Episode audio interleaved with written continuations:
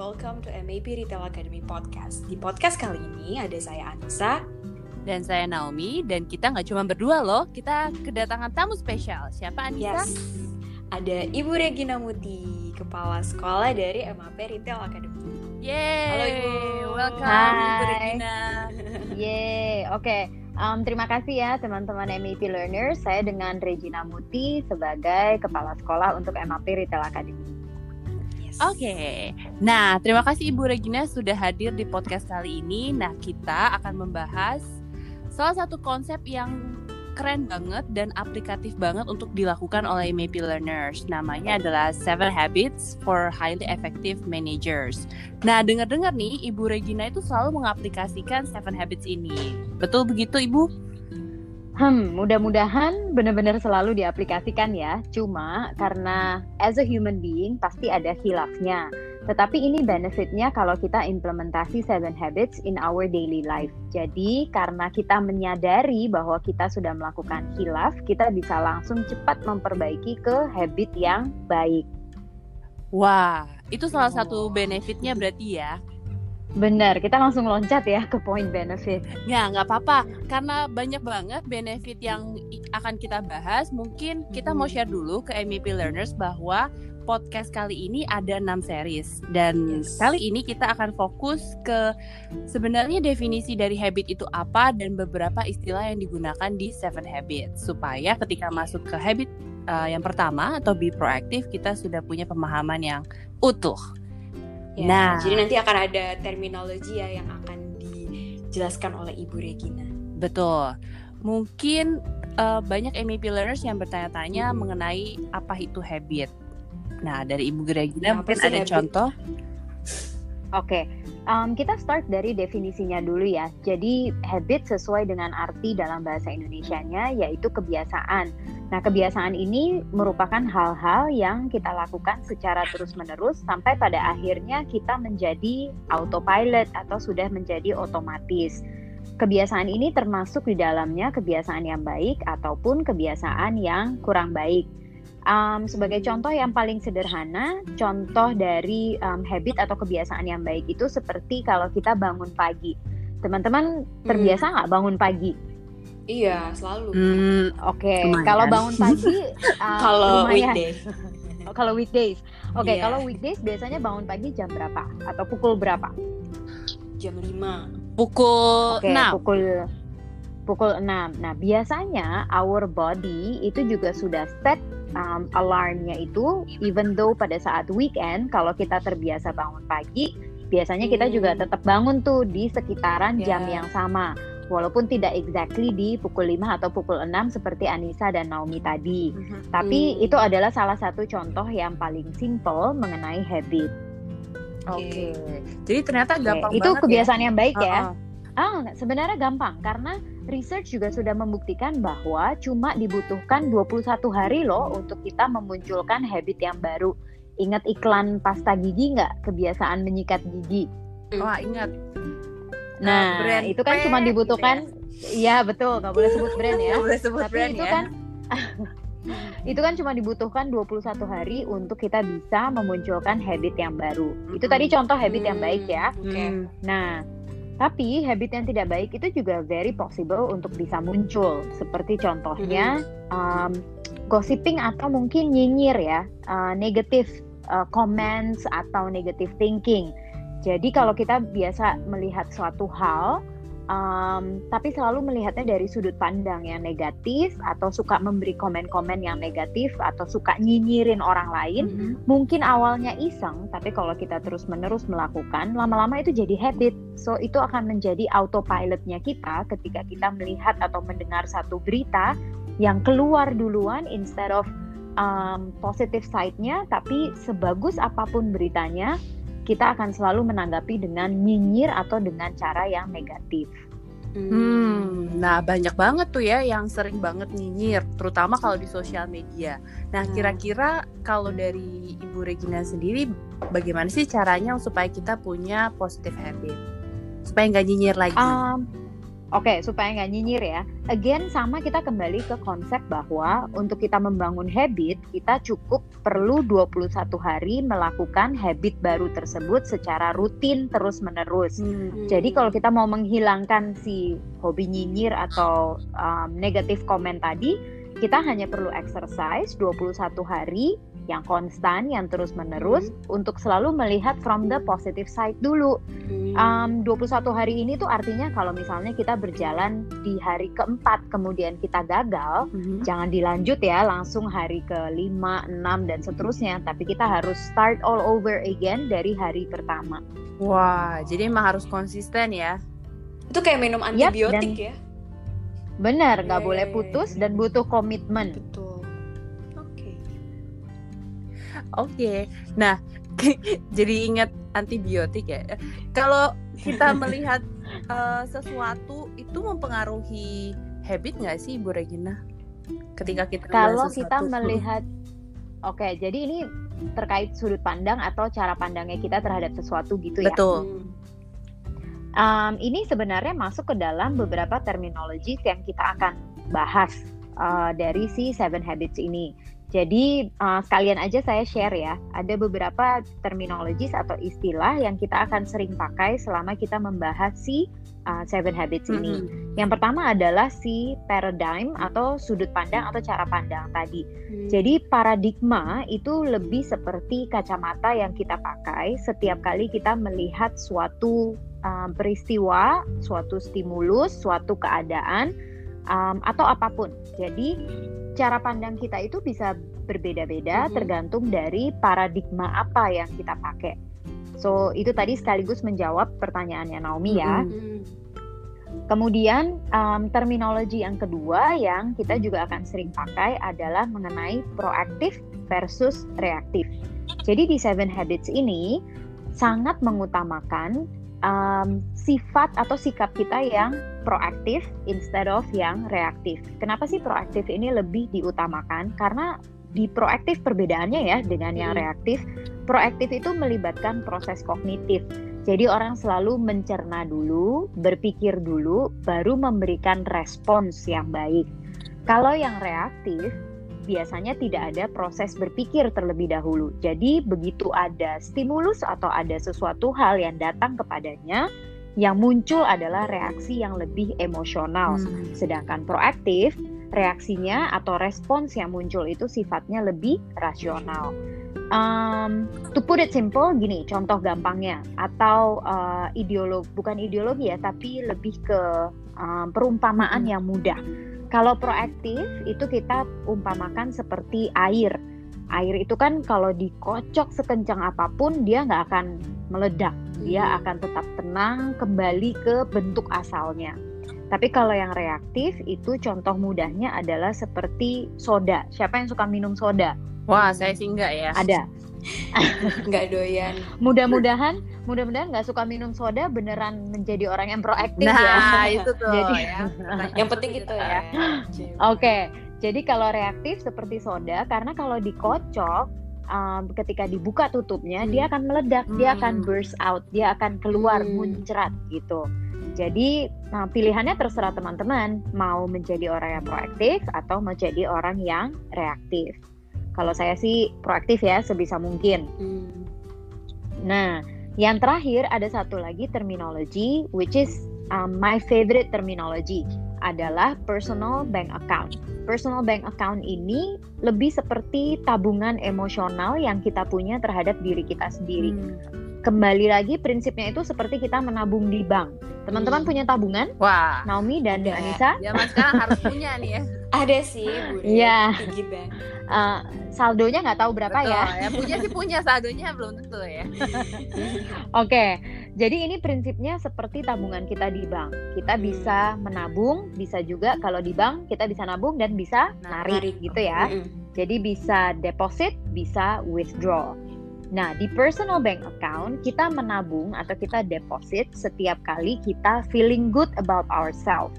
Misalnya, I feel good karena for me ya, um, mood itu ditentukan oleh rambut. Keberhasilan mencatok rambut yang bagus itu akan Oke. menentukan my mood the whole day. Berarti itu nambah Jadi personal bank account caranya- ya. Betul. ke diri Um, sendiri. setiap yes itu menambah my balance di personal bank account. Kenapa ini tuh penting? Sebab setiap kali we feel good, setiap kali kita menabung to our personal bank account, ini akan membantu ourselves untuk merasa lebih confident, Nah, lebih feeling comfortable dengan diri sendiri. Betul. Every time we feel good, we are actually depositing to our personal bank account. Hmm. Sedangkan ini juga bisa ada kalanya kita withdraw. Namanya juga prinsipnya seperti di bank. Jadi bisa deposit, bisa withdraw. Oke. Setiap kali we feel bad, setiap kali we don't feel or we feel upset, itu sebenarnya kita sedang withdraw our emotional atau personal bank account. Hmm. Um, contohnya, for my personal example, Yeah. kalau saya telat bangun, gerabak gerubuk siap-siap ke kantornya, and then nggak punya cukup waktu to do my hair or to dress up. Mhm. Ini of course I don't feel good about myself, walaupun I tried as much as possible, Mhm. tapi ini mempengaruhi mood dan um, I don't feel comfortable and I will feel automatically less confident dibandingkan kalau I have enough time to do my hair. Hmm. Sesederhana itu contohnya ya. Oke. Oke. Nah, tambahan sedikit untuk si personal bank account ini. Mm-mm. Jadi, personal bank account membawa ke emotional bank account yaitu kalau kita berhubungan dengan orang lain. Jadi si personal bank account ini nggak cuma untuk diri sendiri, tapi juga bisa ke orang lain. Oke. Jadi my relationship with you two dengan Naomi dan Anissa ini juga terkait dengan emotional bank account. Sama nih, I can deposit and I can Withdraw. withdraw. Oke. Oke. Betul. Nah, kalau so MEP learners kan Mm-mm. yang saya dengar mereka itu sering berkutat dengan yang namanya deadline. Nah, kalau mereka betul. miss the deadline itu berarti juga berhubungan dengan uh, Personal. withdraw personal bank account mereka Bank ya. account. Bener banget. Jadi ini sebabnya kalau kita tahu bahwa every time we miss deadline, kita don't feel good about ourselves. Artinya apa? Besok-besok kalau kita punya kalau kita punya deadline, kita harus set time yang lebih bagus supaya kita nggak miss dan pada akhirnya kita bisa depositing to our personal bank account. Hmm. Gitu. Hmm. Oke, jadi kalau kita nggak miss, kita juga jadi lebih confidence gitu ya Bu Regina kalau misalnya di Automatically, what about yourself? Kalau you can achieve the deadline, pasti you will feel good about yourself Iya, kan? betul banget. Achievement. Nah, yes, it's an achievement. Achievement itu menambah uh, our balance di emotional bank account atau personal bank account. Hmm. Nah, jadi intinya sih gini, kalau ini kita bawa ke hubungan dengan orang Mhm, lain ya, Hmm. pada prinsipnya kita tuh harus balance. Jadi um, harus sometimes kita deposit, sometimes kita juga perlu untuk withdraw. Apalagi Oke. kalau ini dibawa ke hubungan dengan orang lain ya, karena kalau kita deposit terus nanti orang jadinya apa? Taking us for granted nggak sih? Nah, memanfaatkan gitu ya berarti ya. Betul, memanfaatkan. Tapi kalau kita membawa ke diri sendiri our personal bank account, kita terus-terusan feel good, ada kalanya kita menjadi lebih merasa complacent atau cepat puas hati. Hmm. Jadi kadang kita juga perlu menabung dan perlu withdraw Withdraw. gitu. Bude, kalau kita boleh nanya ya, jadi menarik Hmm, boleh sih dong. soal withdraw ini gitu. Sebenarnya proper withdraw dalam konteks personal bank account itu cuma Contohnya seperti apa? Ini proper withdraw ya, berarti. Mm-mm. Yes. Ah, Oke, proper withdraw. Contohnya gini, ketika kita merasa bahwa punya pengalaman, dulu aku waktu Mm-mm. ujian aku kurang berhasil nih. Um, ini adalah pelajaran yang baik yang membuat kita selalu mau achieve more gitu. So dari sini kita belajar. Memang kemarin aku withdraw my personal bank account, tapi it's not the end of the world. Justru dari situ aku belajar untuk aku bisa menjadi lebih baik. Hmm. Jadi mengambil lessons gitu ya dari apa yang terjadi ya. Betul. Nah, yes. kalau MEP learner sendiri kan pasti karena di dunia retail jadi sering banget ketemu banyak orang, customer yang pasti uh, kadang tidak sesuai ekspektasi. Nah, dari Bu Regina sendiri ada tips and trick nggak Mhm. sih dalam personal bank account yang berhubungan dengan orang lain supaya bisa tetap balance antara menabung dan juga menarik. Oke, Em, contoh yang paling mudah gini, Jadi kalau kita uh, berhubungan dengan orang lain, semakin tinggi balance yang kita punya di emotional bank account antara kita dan orang tersebut, maka ketika kita butuh bantuan dari orang itu, more likely untuk orang itu bantuin kita. Hmm. Jadi ingat aja ketika kita membantu dia, kita deposit. Ketika Hmm. kita membutuhkan bantuan dari dia, kita actually sedang withdraw our Oke. balance. Benar. It- nah, itu sebabnya ini ba- contoh gampangnya ya. Kalau kita punya Hmm. hubungan yang baik, Naomi dan Anissa, kita punya hubungan yang baik nih ya. Um, ketika saya butuh bantuan, more likely kan kalian akan membantu despite hubungan atasan dan bawahan ya. Tapi- Ketulusan gitu ya. tapi kalau kita Iya. betul, kalau kita bicara bicara personal Iya, iya. um, support Mm-mm. misalnya, pasti kalian akan more likely lebih membantu Mm. gitu, lebih mau untuk membantu. Oke. Jadi memang harus eh, berusaha dibalance terus ya, kadang narik, kadang juga nabung. Gitu ya Bu Regina ya. Betul, betul. Itu prinsipnya. Jadi harus selalu balance. Kadang kita nabung, kadang juga kita narik. Nah, Gitu. terakhir nih Bu Regina, sebelum kita minggu depan masuk ke habit yang pertama. Kira-kira benefit dari Oke. mempelajari Seven Habit ini apa aja sih yang sesuai dengan aplikasi yang Bu. Regina lakukan? Alright. Um, yang paling terasa dari aplikasi Seven Habits adalah kemampuan kita untuk bisa self control.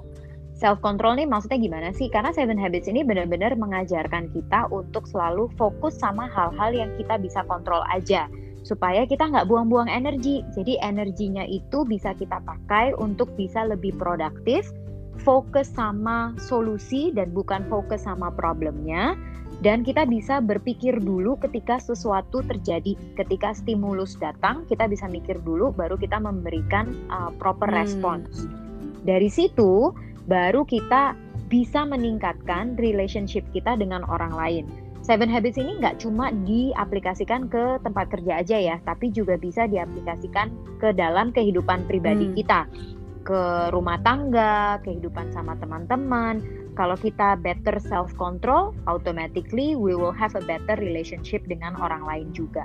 Sebab um, prinsipnya kalau di Seven Habits tuh satu, kita harus kontrol diri sendiri dulu, memenangkan si private victory ini, baru kita bisa berinteraksi dengan Hmm. orang lain dengan baik, uh, dibawa ke public victory. Jadi um, dua itu sih benefit yang paling terasa for me personally dari aplikasi si Seven Habits ini. Hmm, kalau Bu Regina sendiri sudah mengaplikasikan Seven Habit itu udah berapa lama? Waduh, sudah quite a while ya. I think more than five years. Wow. Um, kalau ditanya, bias, nah biasanya pertanyaan berikutnya adalah Nah, susah betul. susah Bu. banget. susah banget, Susah banget ya berarti ya? susah banget. Tapi um, kayak yang tadi Anissa bilang, ini kayak minum antibiotik, jadi nggak boleh lupa dan Commit. harus komitmen. Yes. Itu aja. Karena memang ternyata habit itu seperti pada akhirnya kalau habit yang buruk itu kayak penyakit ya. Jadi we have to apa ya eh, ya menyembuhkan itu gitu karena kalau enggak it will, it will affect ourselves and others. Jadi kayak bisa jadi kayak virus ya. Bener. Dan virus itu kayak virus Iya. corona yang sekarang ya. Jadi dia dengan mudah menyebar. Hmm. So that's why um, the more we have self control, um, the better kita bisa contain Hmm. virusnya. Oke, dan itu harus dimulai dari diri sendiri dulu. Betul. Ya. Yes, betul. Disiplin diri baru kita bisa implement ini dengan sebaik-baiknya. Alright, keren banget Iya. Sharing dari Ibu Regina dan memang Seven Habits ini uh, bagus banget ketika kita aplikasikan. Mungkin sebelum kita closing podcastnya ada pesan untuk. MEP learners dari Ibu Regina. Waduh, pesannya adalah um, be ready for the next habits. Betul, kan ada betul. tujuh ya. Tapi kunci yang paling penting adalah ingat selalu start from within. Everything starts from within. Jadi um, punya komitmen untuk bisa memperbaiki diri, untuk bisa aplikasikan si seven habits ini. Oke, berarti komitmen ya. yes, komitmen. betul. Nah, MEP learners, eh, sekian dari podcast yang pertama mengenai definisi kemudian terminologi dari Seven Habits. Sampai jumpa di podcast berikutnya. Stay, Stay healthy, healthy. and learn MAP way. Learn MAP way. Dadah. Bye-bye. Bye.